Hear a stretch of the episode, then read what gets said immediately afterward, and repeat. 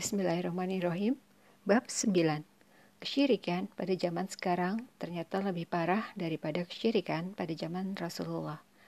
Di antara musibah besar yang menimpa kaum muslimin dewasa ini karena ketidakpedulian mereka terhadap urusan agama dan sibuk dengan urusan dunia adalah banyaknya di antara mereka yang terjerumus ke dalam hal-hal yang diharamkan Allah Ta'ala. Hal ini disebabkan karena sedikitnya pemahaman mereka tentang permasalahan-permasalahan agamanya dan jurang keharaman terdalam yang mereka masuki yaitu lembah hitam kesyirikan. Perbuatan dosa yang paling besar ini pun begitu samar bagi kebanyakan manusia karena kebodohan mereka dan rajinnya setan dalam menyesatkan manusia, sebagaimana yang dikisahkan Allah Ta'ala tentang sumpah iblis. Karena engkau telah menghukum saya tersesat, saya benar-benar akan menghalang-halangi mereka dari jalan engkau yang lurus. Quran Surat Al-A'raf ayat 16 Bahkan kesyirikan, hasil tipu daya iblis yang terjadi pada masa kita sekarang ini lebih parah daripada kesyirikan yang terjadi pada zaman Rasulullah SAW. Mengapa bisa demikian? Berikut ini penjelasannya. Pertama, kesyirikan zaman dahulu hanya dalam masalah tauhid uluhiyah. Pada pembahasan sebelumnya, kita telah mengetahui bersama kondisi orang-orang musyrik yang diperangi oleh Rasulullah Wasallam. Mereka adalah masyarakat yang bersaksi dan memiliki keyakinan bahwa Allah lah satu-satunya Zat yang Maha Mencipta, tidak ada sekutu baginya. Bahwa tidak ada yang memberi rejeki kecuali Allah semata, tidak ada yang menghidupkan dan mematikan kecuali Allah Ta'ala saja. Tidak ada yang mengatur segala jenis urusan kecuali Allah Ta'ala saja serta seluruh langit dan bumi beserta segala isinya, semuanya adalah hambanya dan berada di bawah pengaturan dan kekuasaannya. Di antara dalil yang menunjukkan hal itu adalah firman Allah Ta'ala, Katakanlah, kepunyaan siapakah bumi ini dan semua yang ada padanya jika kamu mengetahui. Mereka yang akan menjawab, kepunyaan Allah. Katakanlah, maka apakah kamu tidak ingat? Katakanlah, siapakah yang memiliki langit yang tujuh dan yang memiliki ars yang besar. Mereka akan menjawab, kepunyaan Allah. Katakanlah, maka apakah kamu tidak bertakwa? Katakanlah, siapakah yang di tangannya berada kekuasaan atas segala sesuatu sedang dia melindungi? Tetapi tidak ada yang dapat dilindungi dari azabnya jika kamu mengetahui. Mereka akan menjawab kepunyaan Allah. Katakanlah, kalau demikian, maka dari jalan manakah kamu ditipu? Quran Surat Al-Mu'minun ayat 84 sampai 89. Demikianlah kondisi kaum musyrikin dahulu. Mereka tidak pernah memiliki keyakinan bahwa Lata, Uza, Manat, dan sesembahan mereka lainnya adalah yang menciptakan, memberi rejeki, atau yang menguasai alam semesta ini. Mereka juga tidak memiliki keyakinan bahwa sesembahan mereka itulah yang menghidupkan dan mematikan mereka. Namun mereka hanyalah hamba-hamba Allah Ta'ala yang saleh yang dijadikan sebagai perantara dalam ibadah mereka kepada Allah Ta'ala. Demikianlah kontradiksi kaum musyrik tersebut, yaitu mereka mengakui dan beriman kepada sifat-sifat rububiyah Allah. Namun mereka menyekutukan Allah dalam masalah ibadah. Oleh karena itu, Allah berfirman terhadap mereka, dan sebagian besar dari mereka tidak beriman kepada Allah, melainkan dalam keadaan mempersekutukan Allah dengan sesembahan-sesembahan lain. Quran Surat Yusuf ayat 106 Ibnu Abbas radhiyallahu anhu anhuma berkata berkenaan dengan ayat ini di antara keyakinan mereka jika ditanyakan kepada mereka siapakah yang menciptakan langit, siapakah yang menciptakan bumi, dan siapakah yang menciptakan gunung, mereka menjawab Allah sedangkan mereka dalam keadaan berbuat syirik kepadanya. Lalu bagaimana dengan kondisi kaum musyrikin pada zaman sekarang? Maka akan kita jumpai kondisi yang lebih parah dari kaum musyrikin pada zaman Rasulullah SAW. Karena di samping mereka beribadah kepada selain Allah Ta'ala, kesyirikan dalam masalah uluhiyah, mereka juga menyekutukan Allah Ta'ala dalam masalah rububiyah. Beberapa kondisi yang menunjukkan kesyirikan dalam masalah rububiyah adalah Pertama, Keyakinan mereka bahwa ada dewi khusus yang berjasa untuk menyuburkan tanah sehingga dapat menjadikan hasil panen mereka, terutama padi, berlimpah ruah. Sehingga pada saat-saat tertentu mereka membuat jamuan khusus kepada sang dewi tersebut sebagai ungkapan rasa terima kasih mereka karena telah diberi hasil panen yang berlimpah. Dalam kasus ini terjadi kesyirikan dalam dua aspek sekaligus. Pertama, dalam tauhid rububiyah, karena mereka meyakini adanya pemberi rezeki atau berupa panen yang melimpah selain Allah Ta'ala. Kedua, dalam tauhid uluhiyah, karena mereka menunjukkan ibadah karena kepada dewi tersebut di antaranya berupa sembelihan. Yang kedua, keyakinan sebagian masyarakat kita terhadap Nyi Roro Kidul sebagai penguasa Laut Selatan. Keyakinan ini dapat dilihat dari budaya atau kebiasaan mereka ketika melakukan tumbal berupa sembelihan kepala kerbau, kemudian dilarung atau dilabuhkan ke Laut Selatan dengan keyakinan agar laut tersebut tidak ngamuk atau marah. Menurut keyakinan mereka, tumbal tersebut dipersembahkan kepada penguasa Laut Selatan yaitu Jin Nyi Roro Kidul. Padahal menyembelih merupakan salah satu aktivitas ibadah karena di dalamnya terkandung unsur ibadah yaitu merendahkan diri dan ketundukan. Allah Ta'ala berfirman yang artinya, sesungguhnya salatku, sembelihanku, hidupku, dan matiku hanyalah untuk Allah, Rabb semesta alam. Quran Surat Al-An'am ayat 162 Barang siapa yang memalingkan perkara ibadah yang satu ini kepada selain Allah, maka dia telah jatuh dalam perbuatan syirik. Akibat syirik akbar dan pelakunya keluar dari Islam. Dalam kasus tersebut juga terjadi kesyirikan dalam dua aspek sekaligus. Pertama, dalam tauhid rububiyah, karena mereka meyakini adanya penguasa atau pengatur alam, yaitu Laut Selatan, selain Allah Ta'ala. Kedua, dalam tauhid uluhiyah karena mereka menunjukkan ibadah menyembelih kepada Nyi Roro Kidul tersebut dengan disertai pengagungan kepadanya. Demikianlah realita kaum muslimin pada zaman sekarang ini. Mereka tidak hanya menyekutukan Allah dalam masalah uluhiyah saja, namun mereka juga menyekutukan Allah dalam masalah rububiyah. Suatu kondisi yang tidak pernah kita jumpai pada kaum musyrikin di zaman Rasulullah yang hanya menyekutukan Allah Ta'ala dalam uluhiyahnya saja. Kedua, kesyirikan zaman dahulu hanya terjadi di waktu lapang. Realita kedua yang menunjukkan bahwa kondisi kesyirikan zaman sekarang lebih parah daripada kesyirikan pada zaman Rasulullah adalah kesyirikan zaman Rasulullah dahulu hanya terjadi ketika dalam kondisi lapang. Adapun kalau sedang ditimpa kesempitan, kesusahan, atau terancam bahaya, mereka mengikhlaskan ibadah mereka kepada Allah Ta'ala semata. Di antara bukti yang menunjukkan bahwa kesyirikan orang musyrik jahiliyah hanya di waktu lapang saja adalah beberapa ayat berikut ini. Ayat pertama, Allah berfirman, Dialah Rob yang menjadikan kamu dapat berjalan di daratan, berlayar di lautan, sehingga apabila kamu berada di dalam bahtera dan meluncurlah Bahtera itu membawa orang-orang yang ada di dalamnya dengan tiupan angin yang baik dan mereka bergembira karenanya. Datanglah angin badai.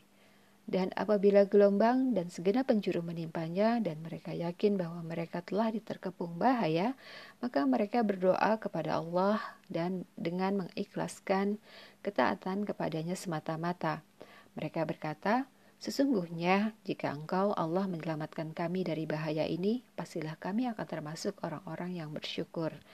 Maka ketika Allah menyelamatkan mereka, tiba-tiba mereka membuat kezaliman di muka bumi tanpa alasan yang benar. Wahai manusia, sesungguhnya bencana kezalimanmu akan menimpa dirimu sendiri. Hasil kezalimanmu itu hanyalah kenikmatan hidup duniawi. Kemudian kepada kamilah kembalimu. Lalu kami kabarkan kepadamu apa yang telah kamu kerjakan. Quran Surat Yunus ayat 22-23 Ayat kedua, Allah Ta'ala berfirman, Dan apa saja nikmat yang ada pada kamu, maka dari Allah lah datangnya. Dan bila kamu ditimpa oleh kemudaratan, maka hanya kepadanya lah kamu meminta pertolongan. Kemudian apabila dia telah menghilangkan kemudaratan itu dari kamu, tiba-tiba sebagian dari kamu mempersekutukan robnya dengan yang lain. Quran Surat An-Nahl ayat 53-54 Ayat ketiga, Allah Ta'ala berfirman, dan apabila kamu ditimpa bahaya di lautan, niscaya hilanglah siapa yang kamu seru kecuali dia. Maka ketika dia menyelamatkan kamu dari kedaratan, kamu berpaling. Dan manusia itu selalu tidak berterima kasih. Quran Surat Al-Isra ayat 67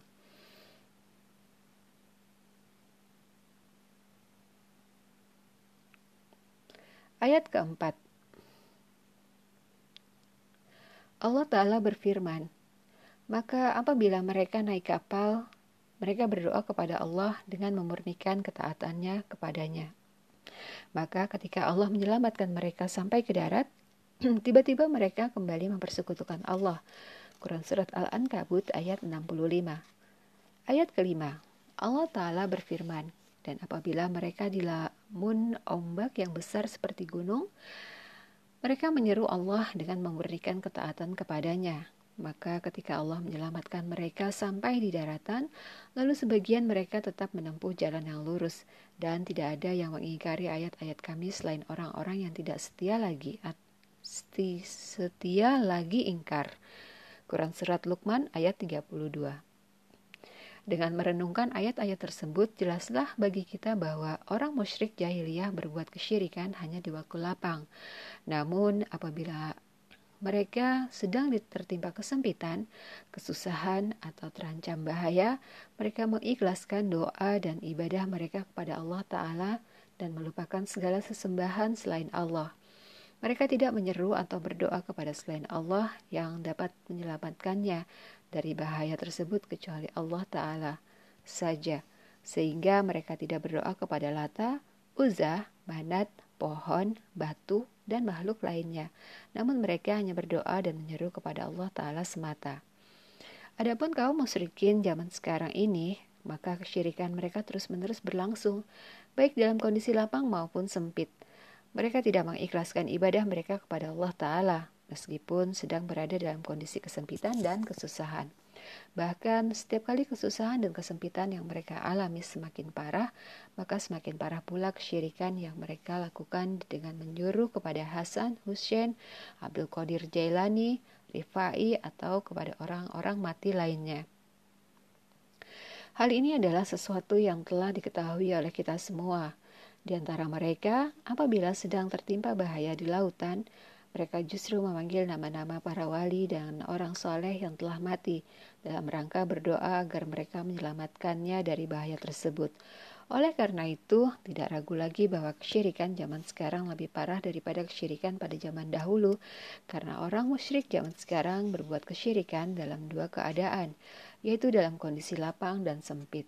Sedangkan orang musyrik zaman dahulu hanya berbuat syirik dalam suatu keadaan saja, yaitu dalam kondisi lapang, dan mentauhidkan Allah Ta'ala dalam kondisi sempit.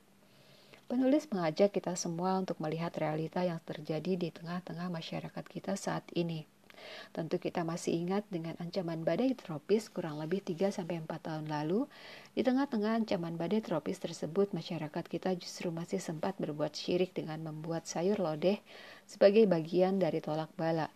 Entah apa yang berada dalam pikiran masyarakat tersebut, namun inilah realita yang terjadi. Ancaman musibah tersebut tidak menyadarkan mereka agar meminta pertolongan kepada Allah Ta'ala semata, namun justru meminta kepada selain Allah Ta'ala.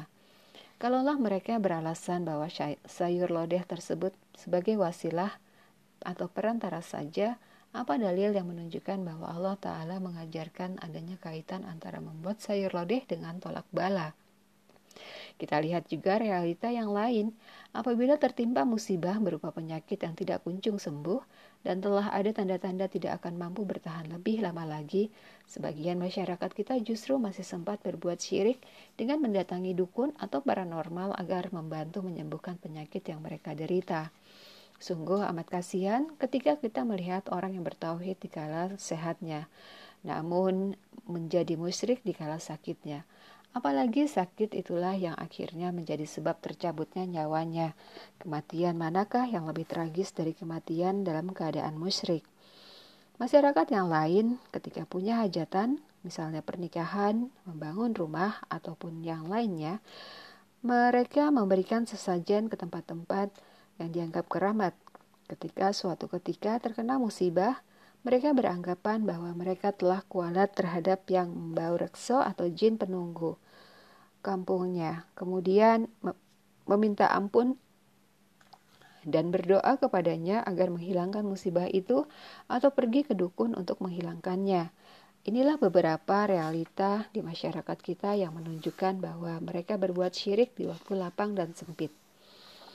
Ketiga, sesembahan orang musyrik dahulu lebih mending solehnya. Kesyirikan yang pertama kali terjadi di muka bumi ini adalah kesyirikan yang dilakukan oleh kaum Nuh alaihissalam. Kesyirikan tersebut terjadi karena sikap mereka yang gulu atau berlebih-lebihan dalam memuji terhadap orang-orang soleh. Allah Ta'ala berfirman, dan mereka berkata, Janganlah sekali-sekali kamu meninggalkan penyembahan terhadap Tuhan-Tuhan kamu, dan jangan pula sekali-sekali kamu meninggalkan penyembahan terhadap Wat, dan jangan pula Suwa, Yagut, Ya'uk, dan Nasr. Ibnu Abbas radhiyallahu anhu anhuma berkata, ketika menjelaskan sesembahan-sesembahan kaum Nuh dalam ayat di atas. Itu adalah nama-nama orang soleh di kalangan umat Nuh. Ketika mereka meninggal, setan membisikkan kepada kaum Nuh untuk membuat patung-patung di tempat-tempat mereka beribadah, serta menamai patung-patung tersebut dengan nama-nama mereka. Kaum Nuh pun menuruti bisikan tersebut, namun patung tersebut belum sampai disembah. Ketika kaum Nuh tersebut meninggal dan hilanglah ilmu, patung-patung itu pun akhirnya disembah. Ibnu Qayyim rahimahullah berkata, para ulama salaf mengatakan, mereka adalah orang-orang soleh di kalangan umat Nuh. Ketika mereka meninggal, umat Nuh beriktikaf di kubur-kubur mereka serta membuat patung-patung mereka. Kemudian seiring dengan berjalannya waktu, umat Nuh pun akhirnya menyembah mereka. Demikianlah orang-orang musyrik pada zaman Rasulullah SAW menjadikan sekutu bagi Allah Ta'ala dari dua kelompok. Kelompok pertama adalah pohon batu, dan yang lainnya. Sedangkan kelompok kedua adalah hamba-hamba Allah Ta'ala yang soleh, baik dari kalangan para nabi, malaikat, ataupun wali. Karena menurut persangkaan mereka, hamba-hamba Allah Ta'ala yang soleh ini dapat mendekatkan diri mereka kepada Allah Ta'ala. Mereka mempunyai pemikiran bahwa orang-orang soleh itu mempunyai kedudukan mulia di sisi Allah Ta'ala. Sementara mereka merasa banyak berbuat dosa dan maksiat sehingga tidak pantas meminta langsung kepada Allah, tetapi harus melalui perantara orang-orang soleh tersebut.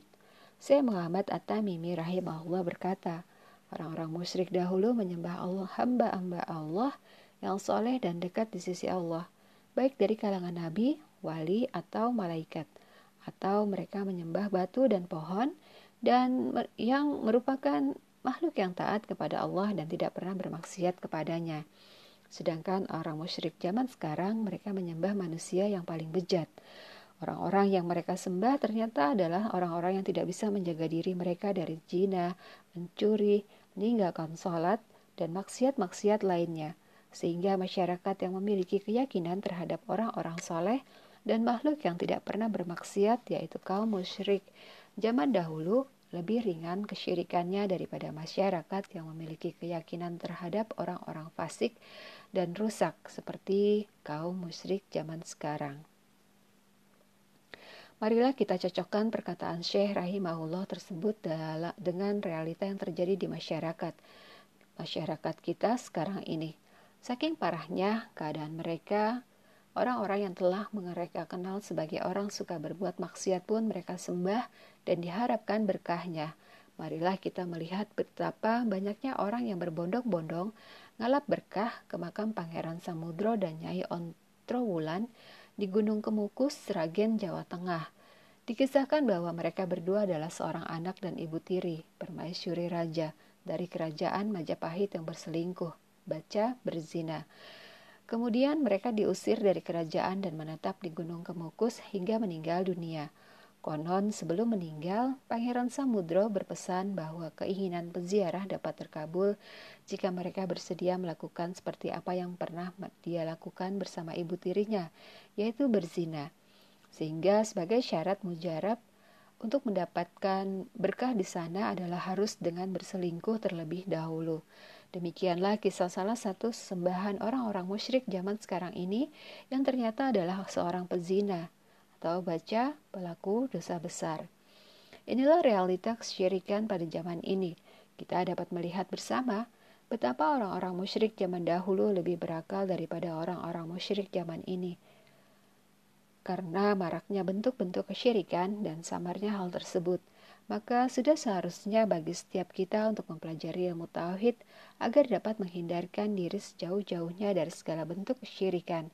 Sungguh betapa bodohnya orang yang mengatakan, untuk apa belajar tauhid pada zaman sekarang ini? Bismillahirrahmanirrahim. Bab 10. Kesyirikan tanpa sadar. Setiap orang yang ingin mewujudkan tauhid dalam hidupnya, maka dia harus takut terjerumus ke dalam kesyirikan. Seseorang tidaklah cukup hanya mengenal dan mengamalkan tauhid saja. Akan tetapi dia juga harus mengenal lawannya, yaitu syirik, karena takut terjerumus ke dalamnya dan akan merusak tauhidnya. Seseorang yang tidak mengenal sesuatu, maka dia dikhawatirkan akan terjerumus ke dalam sesuatu tersebut. Sebagaimana kata Umar bin Khattab radhiyallahu anhu, segera saja ikut ikatan Islam terlepas satu demi satu ketika di tengah-tengah umat Islam muncul satu generasi yang tidak mengenal karakteristik jahiliyah. Yang demikian itu karena dia tidak mengetahui karakter-karakter jahiliyah tersebut atau menyangkanya sebagai perkara yang baik. Maka karena kebodohannya, karakter-karakter jahiliyah tersebut pun menjadi rancu. Lalu dia pun terjerumus ke dalamnya. Demikian pula, bahkan lebih parah daripada itu, barang siapa yang tidak mengenal syirik, sarana-sarananya, dan macam-macamnya, maka dia dikhawatirkan akan terjerumus ke dalam perbuatan syirik itu karena tidak mengetahuinya. Inilah akibat paling parah karena meninggalkan belajar tauhid, yaitu seseorang bisa bisa saja terjerumus ke dalam perbuatan syirik tanpa dia sadari. Dia tidak sadar bahwa dirinya telah terjerumus ke dalam syirik secara berulang-ulang karena memang dia tidak memiliki ilmu bahwa perbuatan tersebut ternyata termasuk ke dalam perbuatan syirik. Berikut ini adalah contoh-contoh perbuatan-perbuatan syirik yang mungkin kita lakukan tanpa kita sadari. Kesyirikan dalam mengambil sebab. Di antara bentuk kesyirikan yang kadang tidak disadari oleh sebagian orang adalah kesyirikan dalam mengambil sebab. Maksud mengambil sebab di sini adalah seseorang melakukan suatu usaha atau sebab untuk dapat meraih tujuan yang diinginkan. Misalnya, seseorang mengambil sebab berupa belajar agar dapat meraih prestasi akademik yang memuaskan. Seseorang mengambil sebab berupa berdagang untuk mendapatkan penghasilan, atau seseorang mengambil sebab berupa berobat agar dapat meraih kesembuhan dari penyakit yang sedang diderita. Salah satu sebab terjadinya kesyirikan dalam mengambil sebab adalah karena kaum muslimin saat ini tidak memahami bagaimana hukum-hukum yang terkait dengan mengambil sebab. Para ulama rahimahullah menjelaskan bahwa wajib bagi seorang hamba untuk mengetahui hukum-hukum dalam mengambil sebab, yaitu pertama, sebab yang diambil harus terbukti secara syar'i atau kodari. Maksud harus terbukti secara syar'i adalah suatu tersebut sesuatu tersebut merupakan sebab yang mengantarkan kepada terjadinya atau tidak terjadinya sesuatu yang lain melalui penjelasan dari Al-Quran dan As-Sunnah. Misalnya, Allah Ta'ala telah menjelaskan bahwa takwa merupakan sebab untuk mendapatkan kemudahan dalam menyelesaikan urusan dan sebab untuk mendapatkan kelapangan rezeki. Karena Allah Ta'ala berfirman, Barang siapa bertakwa kepada Allah, niscaya dia akan mengadakan jalan keluar baginya dan memberinya rezeki dari arah yang tiada disangka-sangkanya. Dan barang siapa yang bertawakal kepada Allah, niscaya Allah akan mencukupkan keperluannya. Quran Surat At-Tolak ayat 2-3 Contoh lainnya adalah menyambung tali silaturahim yang merupakan sebab untuk luasnya rezeki dan panjang umur. Karena Rasulullah SAW bersabda, Barang siapa yang senang untuk diluaskan rezeki dan dipanjangkan umurnya, maka hendaklah dia menyambung tali silaturahim. Maksud harus terbukti secara kodari adalah pengalaman, penelitian, atau studi ilmiah yang dapat dipertanggungjawabkan menyatakan bahwa sesuatu tersebut memang merupakan sebab yang mengantarkan kepada terjadinya atau tidak terjadinya sesuatu. Misalnya, Pengalaman menunjukkan bahwa memakai payung merupakan sebab agar tidak basah kuyup kehujanan. Sebab kodari ini terbagi menjadi dua, yaitu sebab yang halal dan yang haram. Seseorang yang ingin memiliki harta, banyak harta, dia tidak boleh mengambil sebab berupa korupsi, merampok, atau mencuri. Atau seseorang yang ingin lulus ujian, dia tidak boleh mengambil sebab berupa menyontek atau bekerja sama dengan teman dalam mengerjakan soal ujian. Kedua, hatinya tidak bersandar kepada sebab tersebut, tetapi bersandar kepada Allah Ta'ala. Maksudnya adalah Ketika mengambil sebab tersebut, hatinya senantiasa bertawakal kepada Allah Ta'ala dan senantiasa memohon pertolongan Allah Ta'ala demi berpengaruhnya sebab tersebut. Hatinya tidak bersandar kepada sebab, sehingga dirinya pun merasa aman setelah mengambil sebab tersebut.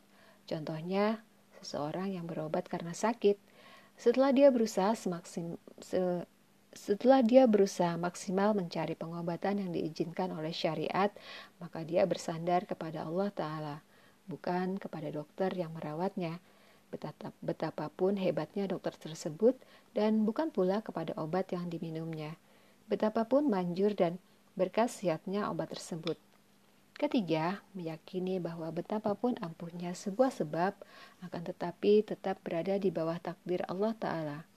Hal ini karena Allah Ta'ala mengatur sesuatu sebagaimana yang dia kehendaki.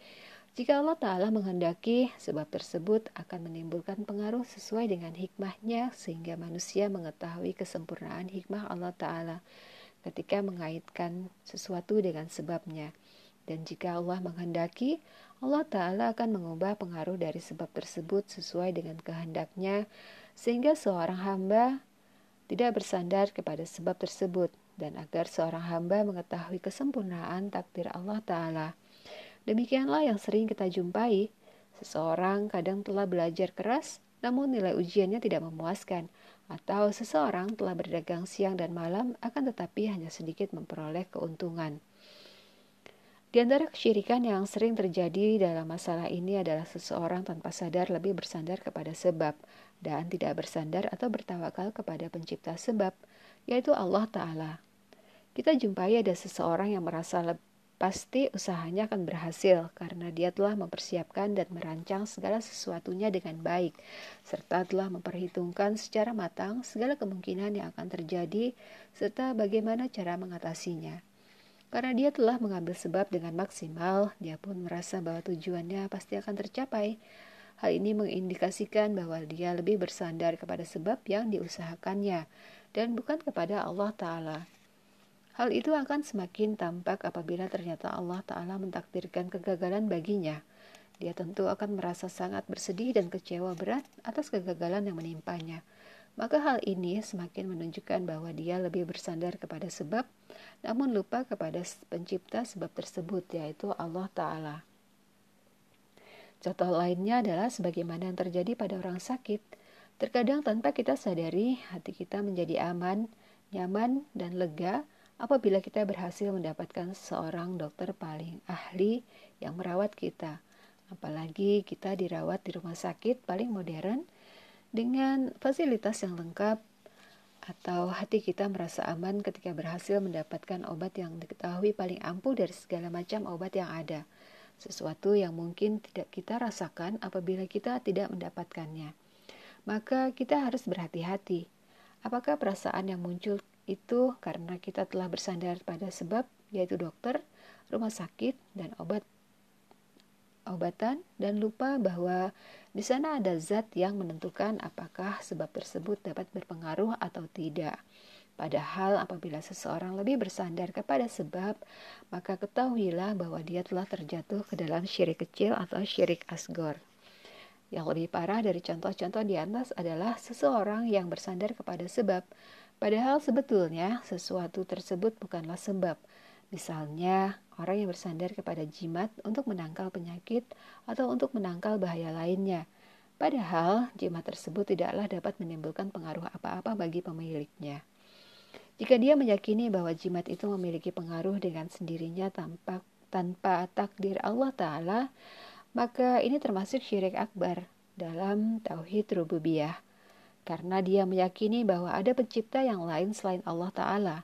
Akan tetapi, jika dia hanya meyakini bahwa jimat itu hanya semata-mata sebagai sebab, tidak dapat berpengaruh kepada dengan sendirinya dan tetap di bawah kekuasaan Allah Ta'ala, maka hal ini termasuk syirik kecil karena dia telah menetapkan sebab yang tidak ditetapkan oleh Allah Ta'ala sebagai sebab.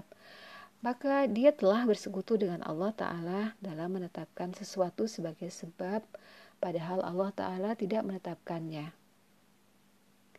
Merasa cemas tanpa penyebab yang jelas. Seringkali kita jumpai seseorang yang sangat takut melanjutkan perjalanannya apabila di tengah-tengah perjalanan dia menjumpai seekor kucing menyeberang jalan. Kecemasannya itu akan semakin bertambah luar biasa apabila dia menabrak kucing tersebut sampai mati. Dia sangat diliputi ketakutan, sehingga mungkin saja dia berhenti melanjutkan perjalanannya, atau dia baru berani melanjutkan perjalanan setelah dia mengurus pemakaman kucing tersebut. Contoh yang lain adalah seseorang sangat ketakutan apabila dia melihat seekor burung gagak terbang di atas rumahnya atau bertengger di pohon dekat rumahnya.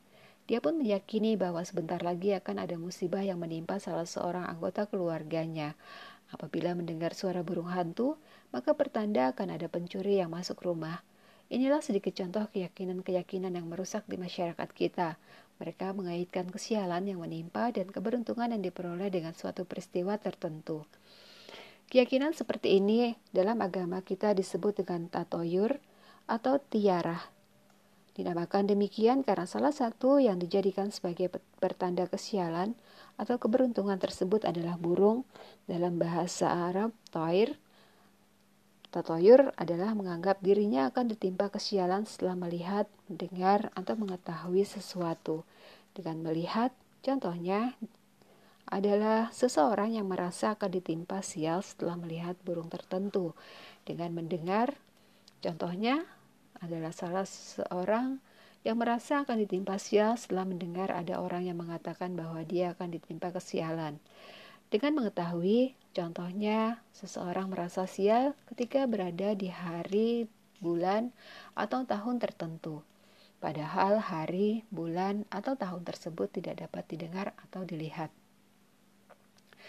Namun, dapat juga dikatakan tatoyur, semua hal yang menyebabkan seseorang membatalkan perbuatannya karena takut malah petaka atau justru meneruskan perbuatannya karena optimis akan beruntung setelah dia melihat atau mendengar sesuatu yang tidak ada bukti ilmiah bahwa sesuatu tersebut bisa mendatangkan malapetaka atau keberuntungan. Keyakinan ini kelihatannya sepele, padahal dapat menafikan tauhid serta termasuk di dalam bentuk kesyirikan, dan syirik merupakan dosa terbesar Rasulullah Shallallahu Alaihi Wasallam bersabda, Barang siapa yang mengurungkan kepentingannya karena tiaroh, maka dia telah berbuat syirik. Dalam hadis yang lain, Rasulullah Shallallahu Alaihi Wasallam bersabda, tiaroh ad adalah syirik, tiarah adalah syirik. Beliau mengucapkan hal itu sampai tiga kali. Sedangkan dalam riwayat lain, Rasulullah Shallallahu Alaihi Wasallam bersabda, tiarah termasuk kesyirikan. Menyandarkan nikmat kepada selain Allah Ta'ala. Di antara nikmat, di antara kita mungkin sering tanpa sadar mengucapkan kata-kata yang kelihatannya ringan, namun berat timbangannya di sisi Allah Ta'ala. Misalnya, ketika kita mendapatkan suatu kenikmatan atau mendapatkan pertolongan, sering kali kita menyandarkan nikmat tersebut kepada selain Allah. Allah Ta'ala berfirman, dan dia telah memberikan kepadamu keperluanmu dan segala apa yang kamu mohonkan kepadanya. Dan jika kamu menghitung nikmat Allah, kamu tidaklah dapat menghitungnya. Sesungguhnya manusia itu sangat zalim dan sangat mengingkari nikmat Allah. Contohnya adalah perkataan seseorang, kalau Allah bukan karena pertolonganmu, saya tidak tahu bagaimana nasibku. Atau kalau Allah bukan karena tadi ada polisi lewat, mungkin kita sudah babak belur dihajar preman. Atau kalaulah anjing di rumah kita tidak menggonggong keras, kita tidak akan tahu kalau ada pencuri yang masuk ke dalam rumah kita. Ini adalah sedikit contoh tentang beberapa perkataan yang mungkin pernah kita ucapkan tanpa kita sadari. Kelihatannya sepele, namun di dalamnya terkandung penyandaran nikmat kepada selain Allah Ta'ala. Kita justru mengaitkan nikmat tersebut kepada sebabnya, bukan kepada Allah yang menciptakan sebab tersebut.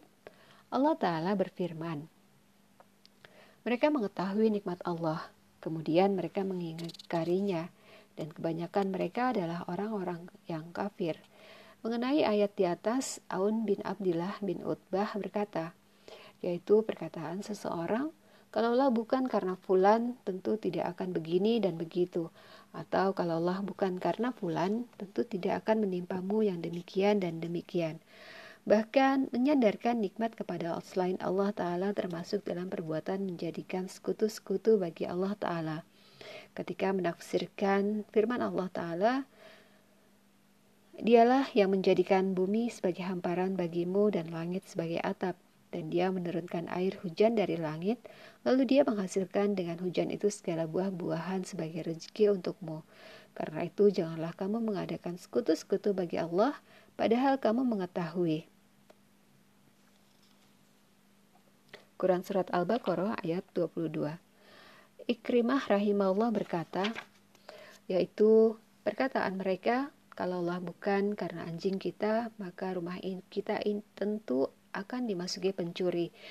Andai bukan karena anjing yang menggonggong di dalam rumah atau kalimat-kalimat semacam itu.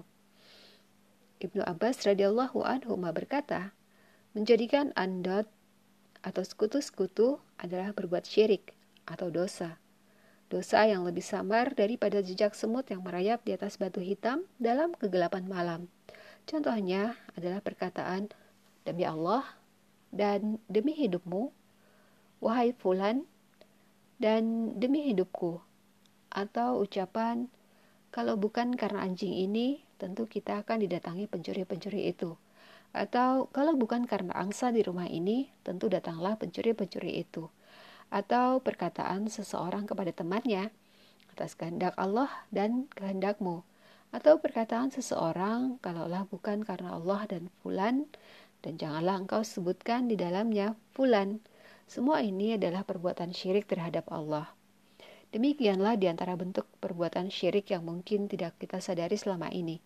Oleh karena itu, hendaklah kita takut terjerumus ke dalam syirik sebagaimana rasa takut yang ada pada diri Rasulullah SAW. Sampai-sampai beliau berdoa kepada Allah Ta'ala, Ya Allah, aku berlindung dari berbuat syirik sementara aku mengetahuinya, dan aku memohon ampun kepadamu dari dosa yang tidak aku sadari. Jika seorang tokoh yang bersih tauhidnya saja masih takut terhadap kesyirikan, maka tentunya kita semua ini yang sangat miskin ilmu dan iman seharusnya tidak merasa aman dari bahaya syirik. Sangat memungkinkan bagi kita terjerumus ke dalam syirik akbar atau syirik besar, apalagi syirik kecil, baik disadari ataupun tidak. Bismillahirrahmanirrahim, bab 11. Sedikitnya orang yang mendakwahkan tauhid renungan bagi para dai dan tokoh partai politik dakwah. Dakwah adalah jalan hidup Rasulullah dan pengikutnya. Dakwah adalah jalan hidup yang ditempuh oleh Rasulullah SAW. Demikian pula para pengikutnya yang merupakan generasi terbaik umat ini dari kalangan para sahabat radhiyallahu anhum. Anhum. Sehingga siapa pun yang mengaku menjadi pengikut Rasulullah SAW dan para sahabatnya, maka sudah semestinya jika dia juga berdakwah kepada Allah Ta'ala. Bagaimana mungkin seseorang mengaku sebagai pengikut Rasulullah SAW namun dia tidak mau atau tidak memiliki keinginan untuk menempuh jalan hidup yang telah ditempuh oleh Rasulullah SAW. Allah Ta'ala berfirman, Katakanlah, inilah jalanku, Aku dan orang-orang yang mengikutiku mengajak kamu kepada Allah dengan hujah yang nyata. Maha suci Allah dan aku tiada termasuk orang-orang yang musyrik.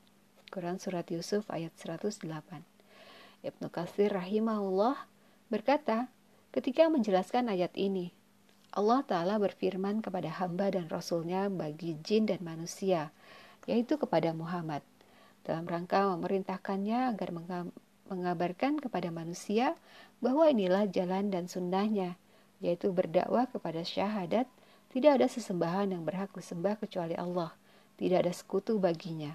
Mengajak manusia kepada Allah di atas hujah yang nyata, serta di atas keyakinan dan petunjuk. Dia Muhammad dan setiap orang yang mengikutinya semuanya berdakwah kepada apa yang didakwahkan oleh Rasulullah SAW di atas hujah yang nyata, keyakinan dan petunjuk syariat dan petunjuk akal. terdapat dua faidah yang bisa kita ambil dari kalimat mengajak kamu kepada Allah, yaitu pertama, maksud dari berdakwah kepada Allah Ta'ala adalah mendakwahkan tauhid dan mendakwahkan agama Allah Ta'ala. Kedua, peringatan untuk ikhlas dalam berdakwah. Barang siapa yang ingin mendakwahkan Islam, maka dia sangat membutuhkan keikhlasan. Tidak ada tujuan lain dalam dia berdakwah kecuali untuk meraih keridhaan Allah Ta'ala dan memahamkan umat terhadap urusan agamanya. Dia tidak bertujuan untuk mencari pengikut sebanyak-banyaknya, mencari popularitas, mencari uang, atau bahkan untuk mencari kekuasaan.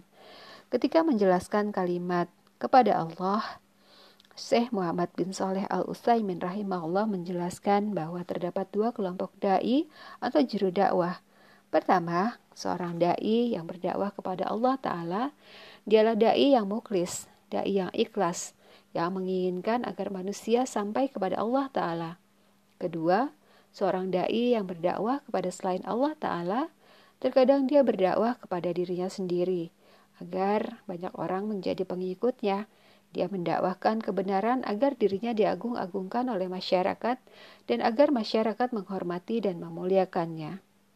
Demikianlah dakwah sangat membutuhkan keikhlasan dan inilah dan inilah ujian terbesar bagi seorang dai ketika berdakwah. Apakah dia betul-betul berdakwah mengajak masyarakat kepada Allah taala? Apakah dia benar-benar berdakwah agar masyarakat mentauhidkan Allah atau apakah dia berdakwah mengajak masyarakat kepada dirinya, kepada organisasi yang dipimpinnya, kepada partainya dan menjadi pengikut-pengikutnya yang akan memilihnya dalam pemilihan umum? Oleh karena itu, kita dapati sebagian para dai yang berdakwah dengan tujuan untuk mencari pengikut sebanyak-banyaknya untuk mendukungnya. Dia akan sangat kecewa ketika ternyata yang mendukungnya sangatlah sedikit atau kalah banyak dari orang lain. Padahal seharusnya orang yang betul-betul berdakwah kepada Allah Ta'ala, kemudian masyarakat tidak menyambut dakwahnya, maka dia tetap tidak pernah putus asa, apalagi berhenti berdakwah meskipun hanya satu orang saja yang menerima dakwahnya. Sungguh dia telah mendapatkan kebaikan yang sangat besar. Rasulullah Shallallahu Alaihi Wasallam bersabda, demi Allah, jika Allah memberikan petunjuk kepada satu orang saja melalui perantaraanmu, itu lebih baik bagimu dibandingkan dengan unta merah, yaitu unta yang paling bagus dan paling mahal. Ketika kita berdakwah kepada Allah Ta'ala, namun tidak digubris oleh masyarakat, maka hendaklah kita marah ke, karena semata-mata kebenaran itu tidak diikuti, bukan karena masyarakat tidak menerima dan mengikuti dakwah kita. Apabila kita marah karena kebenaran yang kita dakwahkan itu tidak diikuti, maka artinya kita telah berdakwah kepada Allah Ta'ala. Setelah memahami bahwa dakwah adalah jalan hidup yang ditempuh oleh Rasulullah SAW, maka pertanyaan berikutnya adalah apakah yang pertama kali Rasulullah SAW dakwahkan? Bagaimana metode yang ditempuh oleh Rasulullah dalam berdakwah? Apakah Rasulullah berdakwah dengan merebut kekuasaan terlebih dahulu atau dengan mendirikan partai politik?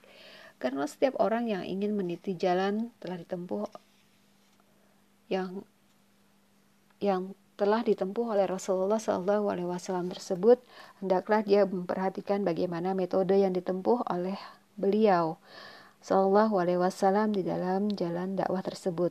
Jangan sampai kita berdakwah dengan menempuh jalan yang tidak ditempuh oleh Rasulullah Wasallam, karena dakwah adalah salah satu bentuk ibadah dan salah satu syarat diterimanya ibadah adalah itiba, yaitu mengikuti petunjuk Rasulullah Wasallam. Rasulullah memulai dakwahnya dengan tauhid. Nabi Shallallahu Alaihi Wasallam memulai dakwahnya sama persis dengan para nabi sebelum beliau, yaitu memulai dari akidah tauhid.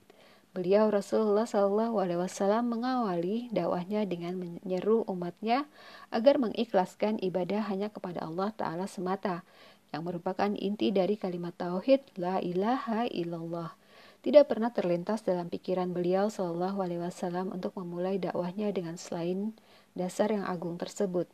Beliau terus-menerus menyerukan dakwah tauhid ini sepanjang periode kerasulan beliau selama 13 tahun di kota Mekah. Beliau tidak pernah merasa lelah dan bosan. Beliau senantiasa bersabar terhadap setiap gangguan dan rintangan di jalan dakwah tauhid tersebut. Selama di Mekah, beliau tidaklah mewajibkan syariat-syariat dan rukun Islam kecuali sholat pada tahun ke-10 dari periode kerasulan. Meskipun beliau juga menyerukan kepada umatnya kepada akhlak yang mulia, menyambung tali persaudaraan, jujur, dan memelihara kehormatan diri, akan tetapi yang menjadi sentral dakwah dan titik perselisihan antara beliau dengan umatnya adalah dakwah kepada akidah tauhid.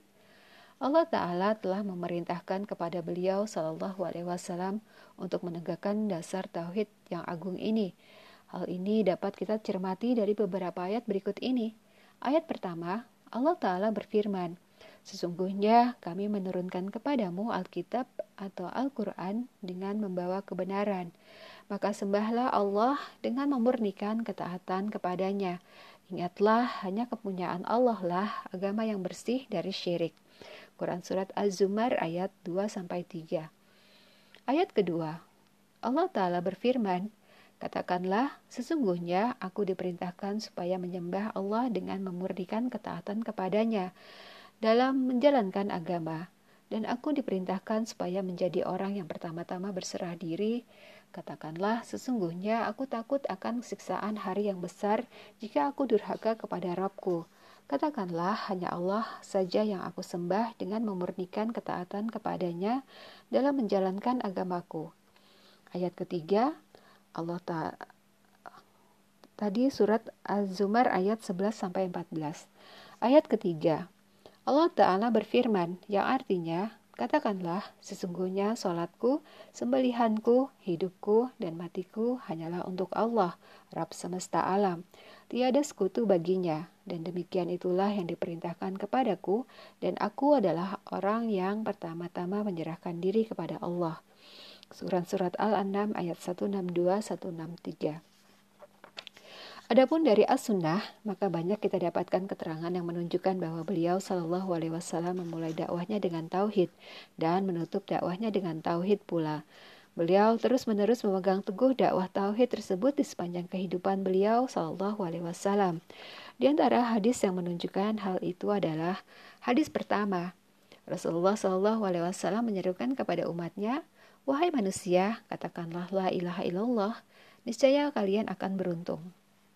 Hadis kedua dari Amr bin Abbas As-Sulami radhiyallahu anhu anhu beliau berkata saat aku di masa jahiliyah aku menyangka bahwa manusia berada dalam kesesatan mereka tidaklah memiliki sesuatu apa pun mereka menyembah berhala Aku pun mendengar ada seorang laki-laki di Mekah yang menyampaikan berita-berita. Maka aku pun pergi ke sana dan mendatanginya. Saat itu Rasulullah Wasallam sedang bersembunyi dari kejahatan kaumnya. Aku pun berjalan perlahan sampai bisa menemuinya di Mekah. Kemudian aku bertanya kepada beliau, "Siapakah engkau?" Beliau berkata, "Aku seorang nabi." Aku bertanya, "Apakah nabi itu?" Beliau menjawab, "Aku diutus oleh Allah." Aku bertanya lagi, "Dengan apa engkau diutus?" Maka beliau menjawab, Aku diutus untuk menyambung tali persaudaraan, menghancurkan berhala, dan agar mentauhidkan Allah serta tidak menyekutukannya dengan sesuatu apa pun. Hadis ketiga, dalam beberapa pertanyaan Raja Heraklius kepada Abu Sufyan ketika masa perjanjian Hudaibiyah, Heraklius menanyakan tentang keadaan Rasulullah Wasallam. Apa yang diperintahkan kepada kalian? Aku, Abu Sufyan berkata, Rasulullah Wasallam bersabda, sembahlah Allah semata dan janganlah menyekutukannya dengan sesuatu apa pun. Tinggalkanlah perkataan nenek moyang kalian. Beliau memerintahkan kami untuk mengerjakan sholat, jujur, menjaga kehormatan diri, dan menyambung persaudaraan. Hadis keempat, dari Ibnu Abbas radhiyallahu anhu anhuma, beliau menceritakan, di saat Abu Talib sakit, sekelompok orang Quraisy mendatanginya. Begitu juga dengan Rasulullah Shallallahu Alaihi Wasallam. Di sisi kepala Abu Talib terdapat sebuah tempat duduk. Abu Jahal pun berdiri, kemudian menduduki tempat tersebut. Mereka berkata, Sesungguhnya keponakanmu telah menghina sembahan-sembahan kami. Abu Talib berkata kepada Rasulullah, Mengapa kaummu mengeluhkan sikapmu? Rasulullah menjawab, Wahai pamanku, aku menghendaki agar mereka berada di atas kalimat yang satu, di mana bangsa Arab tunduk dengannya. Dan orang-orang selain mereka, orang kafir, membayar jizyah atau upeti. Abu Talib bertanya, kalimat apakah itu? Rasulullah menjawab, La ilaha illallah.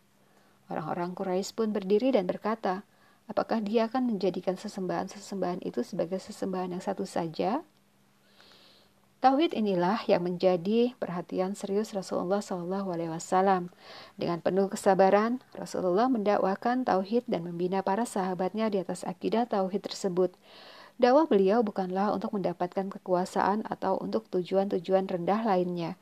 Demikian pula, Rasulullah Wasallam juga tidak menjadikan kekuasaan sebagai sarana atau alat untuk berdakwah. Padahal saat itu Rasulullah Shallallahu Alaihi Wasallam mendapatkan tekanan bertubi-tubi dari kaum kafir Quraisy agar menghentikan dakwahnya. Rasulullah menolak untuk menjadi raja dan tetap konsisten memegang dakwah tauhid. Setiap orang yang hendak meneliti jejak dakwah Rasulullah Shallallahu Alaihi Wasallam, dia akan mendapati bahwa Rasulullah tidak pernah menjadikan kekuasaan sebagai sarana atau bahkan sebagai tujuan utama dakwahnya.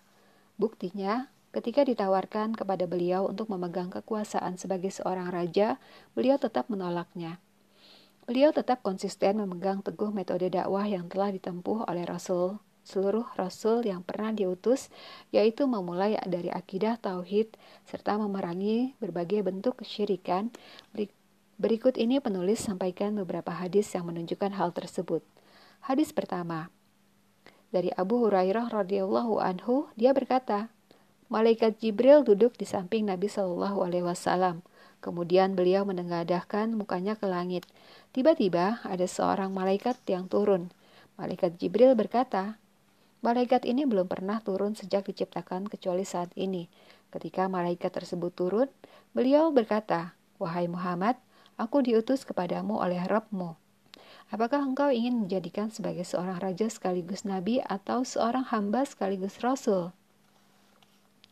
Malaikat Jibril berkata, Merendahlah kepada Rabbmu, wahai Muhammad. Nabi Shallallahu Alaihi Wasallam menjawab, sebagai seorang hamba dan rasul.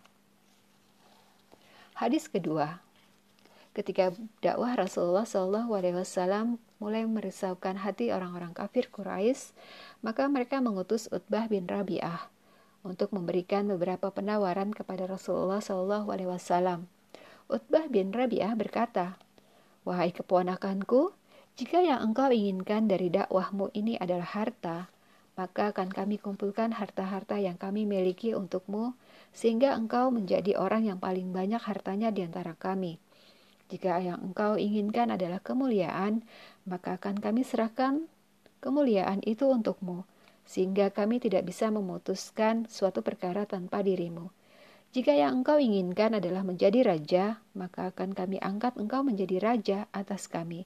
Apabila engkau terkena jin, yang dapat engkau lihat namun engkau tidak dapat menolaknya dari dirimu, maka akan kami carikan pengobatan untukmu.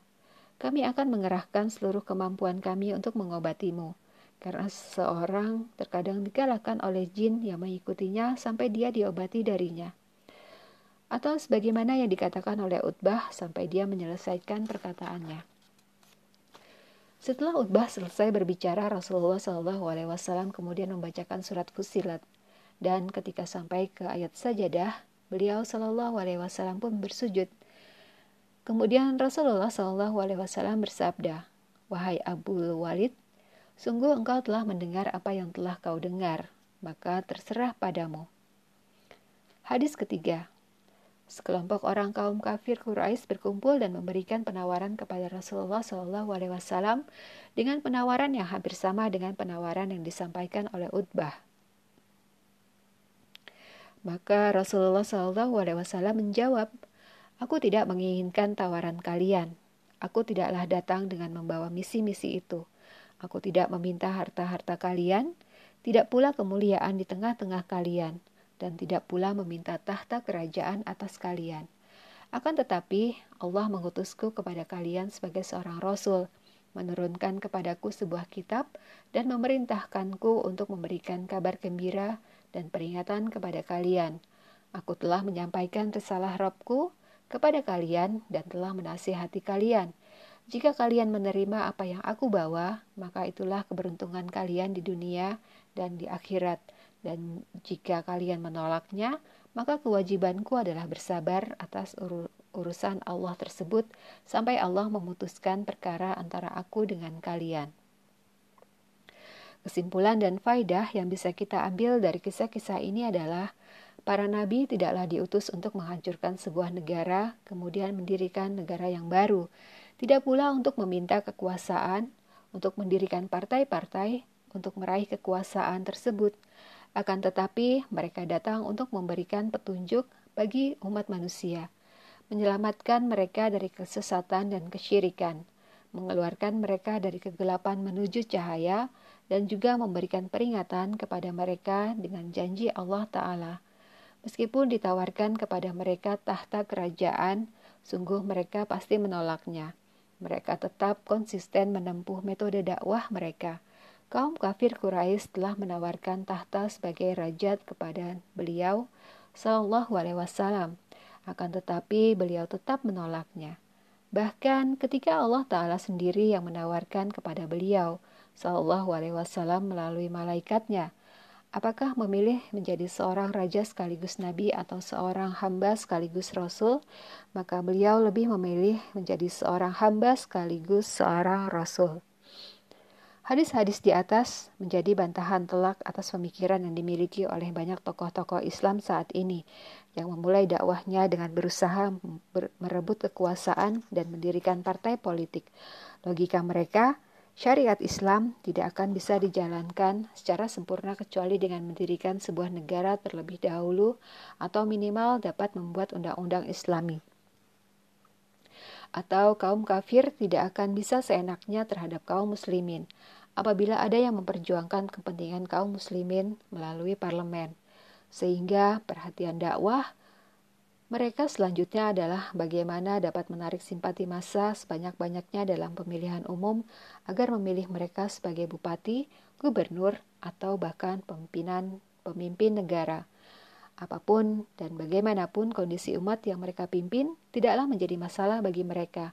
Yang penting banyak orang yang mendukungnya.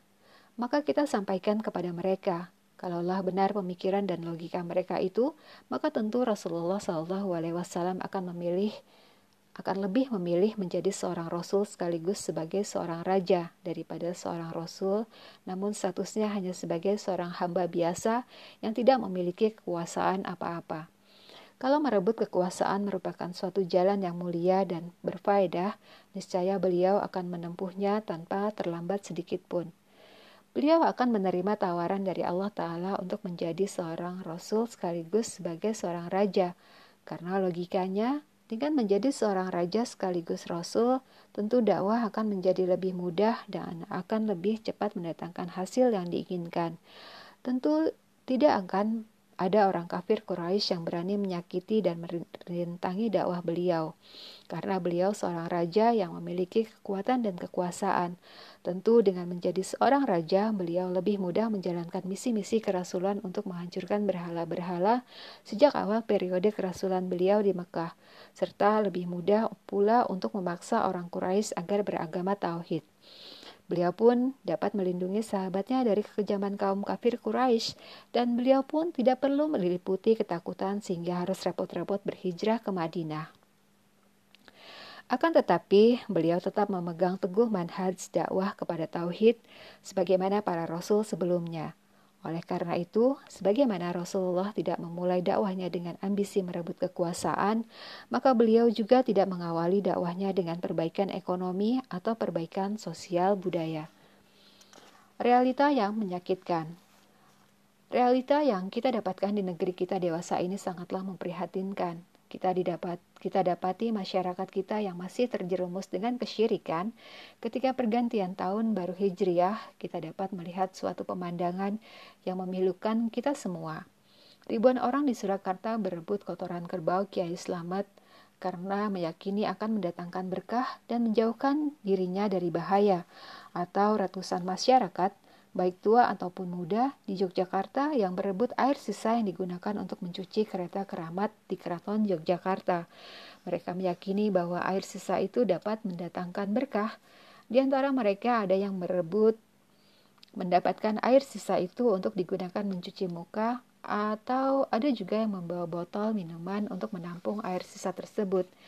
Di antara mereka ada yang meyakini bahwa air sisa itu dapat menolak hama atau penyakit tanaman atau masyarakat di pantai utara Jawa yang masih rajin menyelenggarakan ritual sedekah laut dengan memberikan sesajen berupa kepala kerbau yang dilarung ke laut atau kesyirikan ramal meramal yang mulai ramai di televisi dengan mengirim SMS ketik rek spasi ramal atau rek spasi primbon.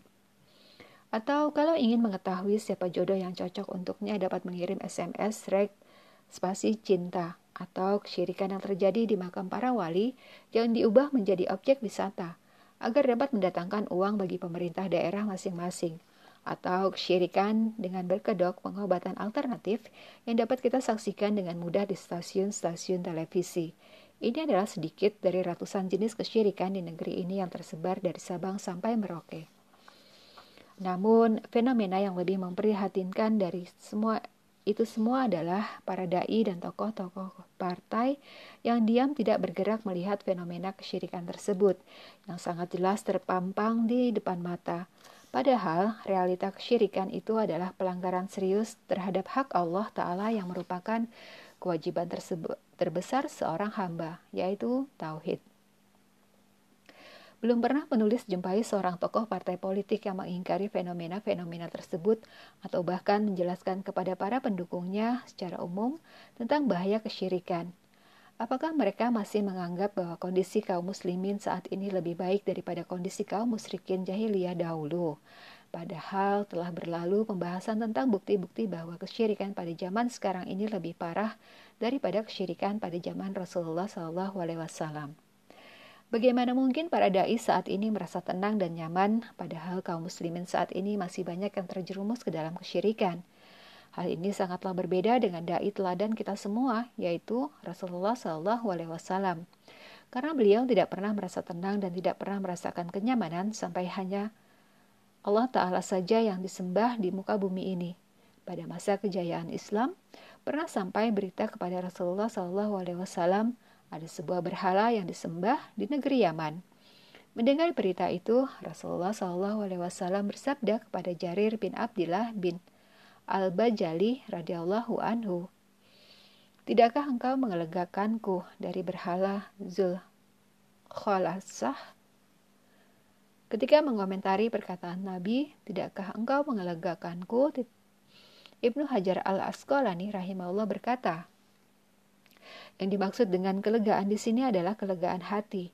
Dan tidak ada sesuatu yang lebih memberatkan hati Nabi Shallallahu Alaihi Wasallam daripada tetap eksisnya sesembahan yang disembah selain Allah Taala. Keanehan berikutnya adalah ketika yang dilanggar adalah hak manusia, maka mereka ramai-ramai mengingkarinya dan menjadikan diri mereka seolah-olah sebagai aktivis pembela hak asasi manusia. Ketika ada seorang anak kecil yang dilanggar, dengan dinikahi pada usia masih belia, maka kita dapati suara-suara lantang dari para aktivis yang mengingkarinya dan bahkan melaporkan kasus tersebut kepada aparat yang berwajib. Tidak sedikit di antara mereka yang menggelar demonstrasi untuk menuntut pembatalan pernikahan tersebut, karena menurut mereka pernikahan itu merupakan pelanggaran terhadap hak asasi anak kecil. Atau kita dapati suara-suara lantang dari para aktivis perempuan untuk menolak poligami Syariat Allah yang mulia yang menurut mereka merupakan pelanggaran serius terhadap hak kaum perempuan. Kita dapati juga perang besar-besaran melawan dosa korupsi dan menjadikannya sebagai program utama penegakan hukum. Karena korupsi berarti merampok uang yang seharusnya menjadi hak rakyat. Sampai-sampai dosa korupsi itu diposisikan seolah-olah lebih besar tingkatannya dibandingkan dosa syirik atau kampanye anti pornografi yang terus-menerus digembar-gemborkan. Karena menurut mereka pornografi itu merendahkan hak dan martabat kaum perempuan. Akan tetapi lihatlah, siapakah yang berteriak lantang ketika jelas-jelas terpampang di depan mata mereka berbagai fenomena kesyirikan yang merupakan pelanggaran terhadap hak Allah Ta'ala. Siapakah yang terpanggil untuk berjuang membela hak Allah Ta'ala yang terabaikan dan terlupakan ini? Inilah salah satu buah tipu daya setan yang berhasil menyesatkan manusia. Setan memperdaya manusia agar manusia menyibukkan diri dalam hal-hal yang kurang penting dan melupakan hal yang lebih penting dan lebih utama. Padahal telah jelas bahwa kewajiban terbesar seorang hamba adalah menunaikan hak Allah Ta'ala yang paling agung, yaitu Tauhid. Rasulullah Wasallam bersabda kepada Mu'ad bin Jabal radhiyallahu anhu, Sesungguhnya hak Allah atas hambanya adalah agar hambanya menyembahnya dan tidak menyekutukannya dengan sesuatu apa pun. Tidak hanya dalam masalah uluhiyah, dalam masalah asma wa sifat pun kita dapati perhatian yang sangat minim dari para tokoh partai. Salah satu buktinya adalah dialog yang pernah terjadi antara Syekh Muhammad Nasiruddin Al-Albani rahimahullah dengan salah satu tokoh pemimpin partai politik Islam.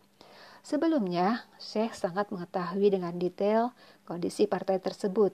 Beliau juga mengetahui bahwa partai tersebut memiliki jutaan pendukung dan simpatisan. Di antara pertanyaan yang Syekh lontarkan adalah, apakah setiap orang yang bersamamu, maksudmu, maksudnya pendukung partaimu, mengetahui bahwa Allah beristiwa di atas ars? Namun, pemimpin partai Islam itu awalnya justru berupaya untuk lari dan menghindari dari pertanyaan Syekh tersebut. Dan pada akhirnya, pemimpin partai tersebut menjawab, "Saya berharap demikian." Maksudnya dia berharap bahwa pendukung partainya mengetahui bahwa Allah Ta'ala bersemayam di atas ars. Syekh rahimahullah berkata kepadanya, tinggalkanlah jawaban yang sifatnya politis itu. Lalu pemimpin partai Islam itu tersebut menjawab dengan tegas bahwa pendukungnya tidak mengetahui hal itu. Maka Syekh rahimahullah berkata, cukuplah bagiku jawabanmu ini. Di sisi lain, orang-orang yang bersemangat untuk mendirikan khilafah atau negara Islam pun melupakan asas yang paling pokok ini. Hal ini tampak ketika mereka pahami ketika yang mereka pahami dari makna berhukum dengan hukum Allah adalah melaksanakan hukum-hukum had terhadap para pencuri, pezina, pembunuh, atau pemabuk. Yang mereka pahami dari hukum Islam adalah hukum potong tangan bagi pencuri, hukum bunuh bagi pelaku pembunuhan, atau hukum rajam bagi pezina. Ini adalah realitas sebagaimana yang pernah ditulis penulis alami sendiri ketika berdialog dengan beberapa orang di antara mereka. Kita tidak memungkiri alangkah indahnya jika hal itu bisa terlaksana.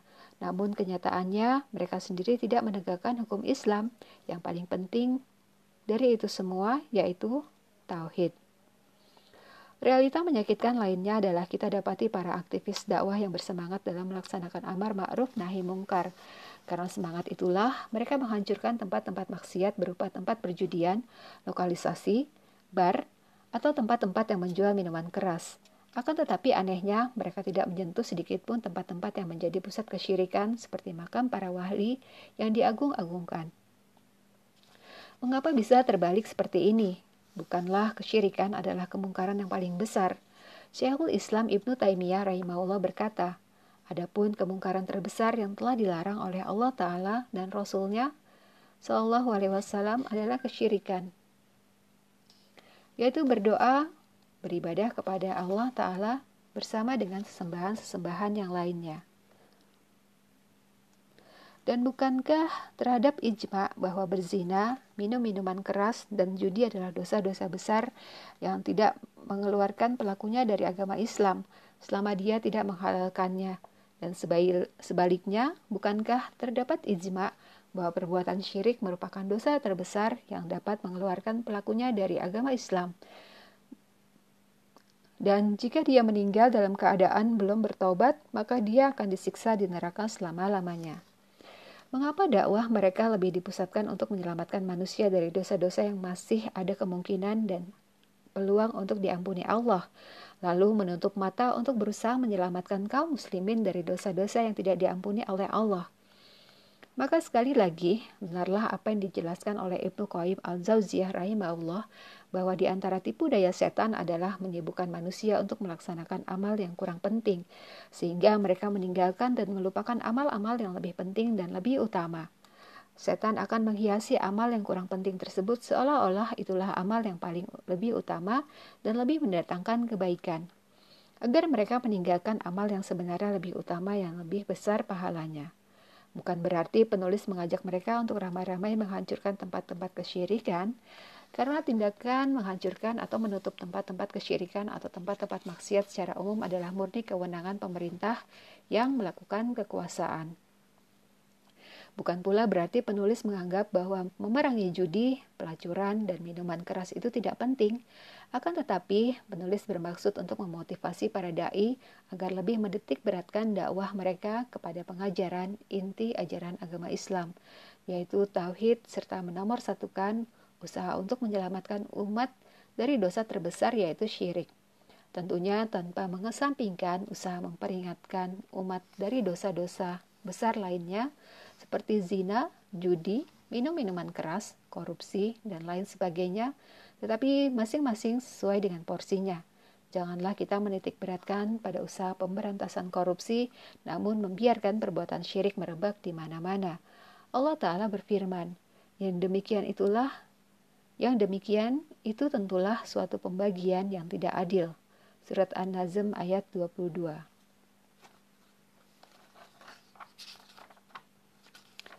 memulai dari perbaikan tauhid atau perbaikan politik, sosial, dan ekonomi. Kalaulah kita mau meneliti sejenak dakwah para rasul, maka kita akan mendapati bahwa para rasul semuanya memulai dakwahnya dengan dakwah tauhid.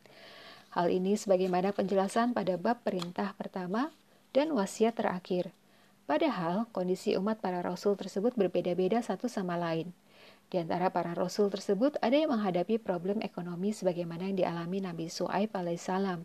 Salah satu problematika yang terjadi pada umat Nabi Su'aib adalah masalah di bidang ekonomi. Karena umat beliau suka berbuat curang dalam jual beli dengan mengurangi takaran timbangan. Meskipun demikian, Nabi Su'aib alaihissalam tetap mendahulukan dakwah tauhid sebelum memperbaiki kecurangan tersebut. Allah Ta'ala berfirman, dan kami telah mengutus kepada penduduk Madian, saudara mereka Shu'aib. Dia berkata, Wahai kaumku, sembahlah Allah. Sekali-kali tidak ada sesembahan bagimu selainnya. Sesungguhnya telah datang kepadamu bukti yang nyata dari Tuhanmu, maka sempurnakanlah takaran dan timbangan dan janganlah kamu kurangkan bagi manusia barang-barang takaran yang dan timbangannya. Dan janganlah kamu membuat kerusakan di muka bumi sesudah Tuhan memperbaikinya. Yang demikian itu lebih baik bagimu jika betul-betul kamu orang-orang beriman.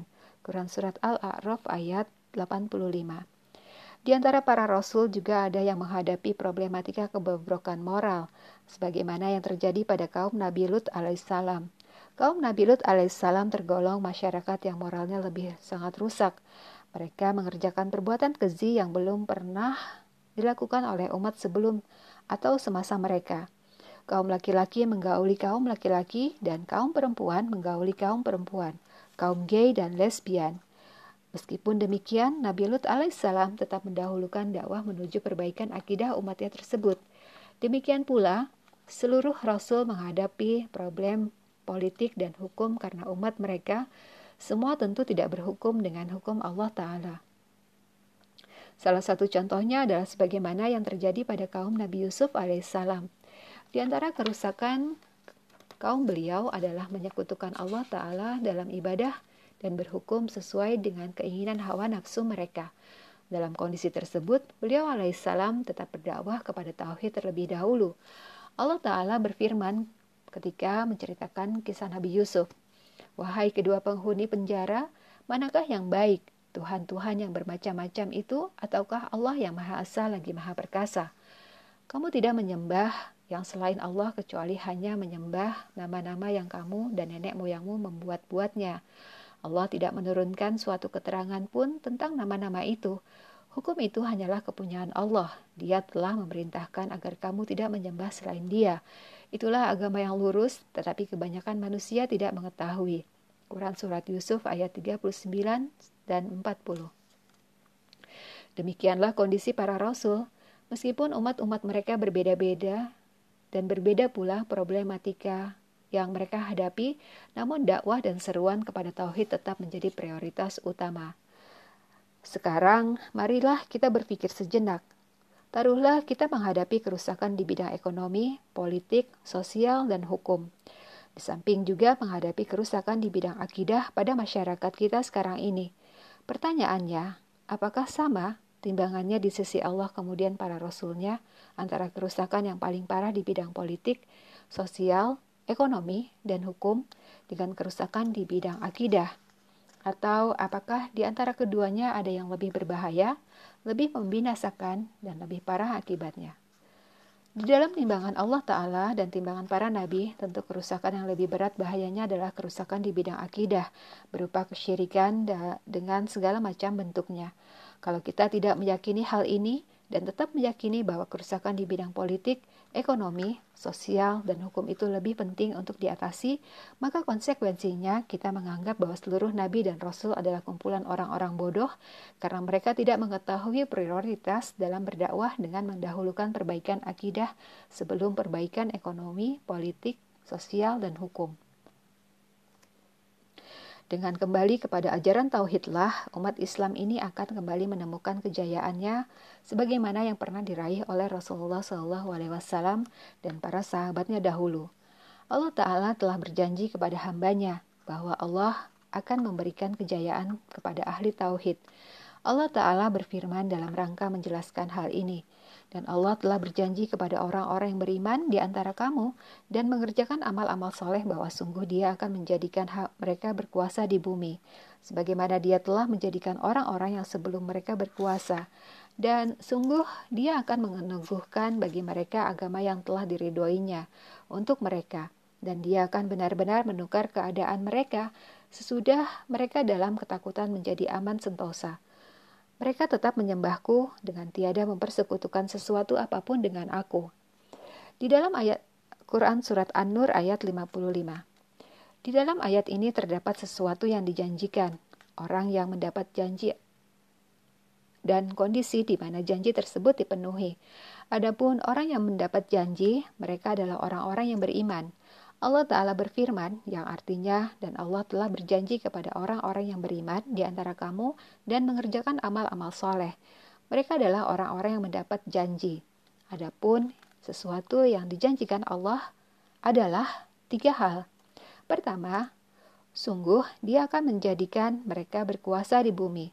Maksudnya, jika mereka tidak memiliki kekuasaan, maka dalam jangka waktu yang panjang atau pendek, Allah Ta'ala akan menjadikan mereka berkuasa di bumi, sebagaimana Allah Ta'ala telah menjadikan orang-orang sebelum mereka berkuasa. Kedua, kemudian Allah Ta'ala berfirman tentang janji yang kedua yang artinya, dan sungguh dia akan meneguhkan bagi mereka agama yang telah diridoinya untuk mereka, Masalah terbesar yang diusahakan dan diinginkan oleh orang-orang yang beriman adalah mereka dapat beribadah kepada Allah Ta'ala dengan penuh keteguhan. Mereka tidak takut dan tidak merasa lemah di dalam melaksanakan agama Allah Ta'ala. Bahkan mereka adalah orang-orang yang dihormati, itu semua sesuai dengan janji Allah Ta'ala. Ketiga, adapun janji yang ketiga adalah firmannya yang artinya, dan dia akan benar-benar menukar keadaan mereka – sesudah mereka dalam ketakutan menjadi aman sentosa. Setelah mereka merasakan sedikit ketakutan, serta setelah Allah Ta'ala memenangkan dan meneguhkan agama mereka, maka setelah adanya ketakutan itu, mereka akan menjadi aman sentosa.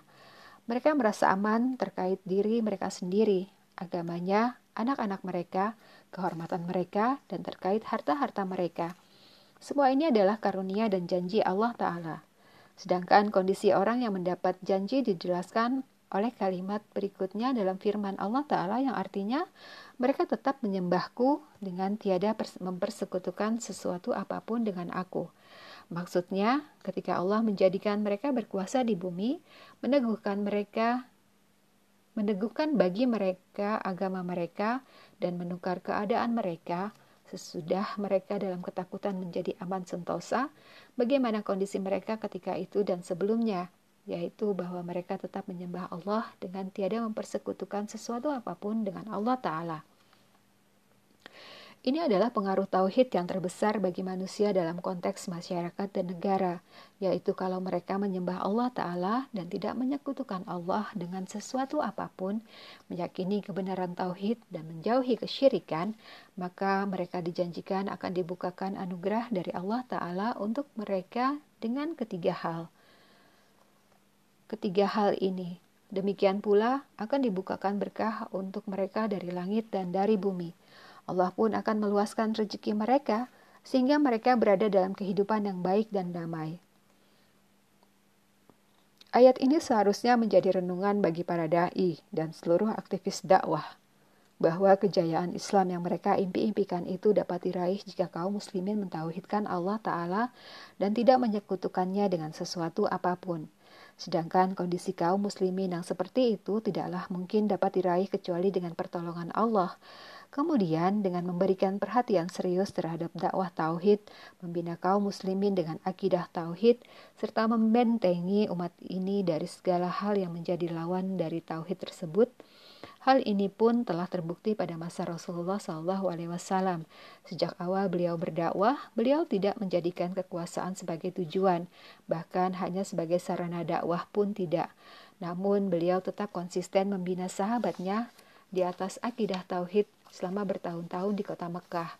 Bahkan beliau rela hijrah ke Madinah karena kejahatan luar biasa kaum Quraisy Mekah terhadap beliau dan para sahabatnya demi menyelamatkan akidah tauhid yang ada dalam hati mereka. Pada saat itu, beliau tidak menyerukan untuk berjihad dan lebih memilih hijrah karena kondisi kaum muslimin yang memang masih lemah.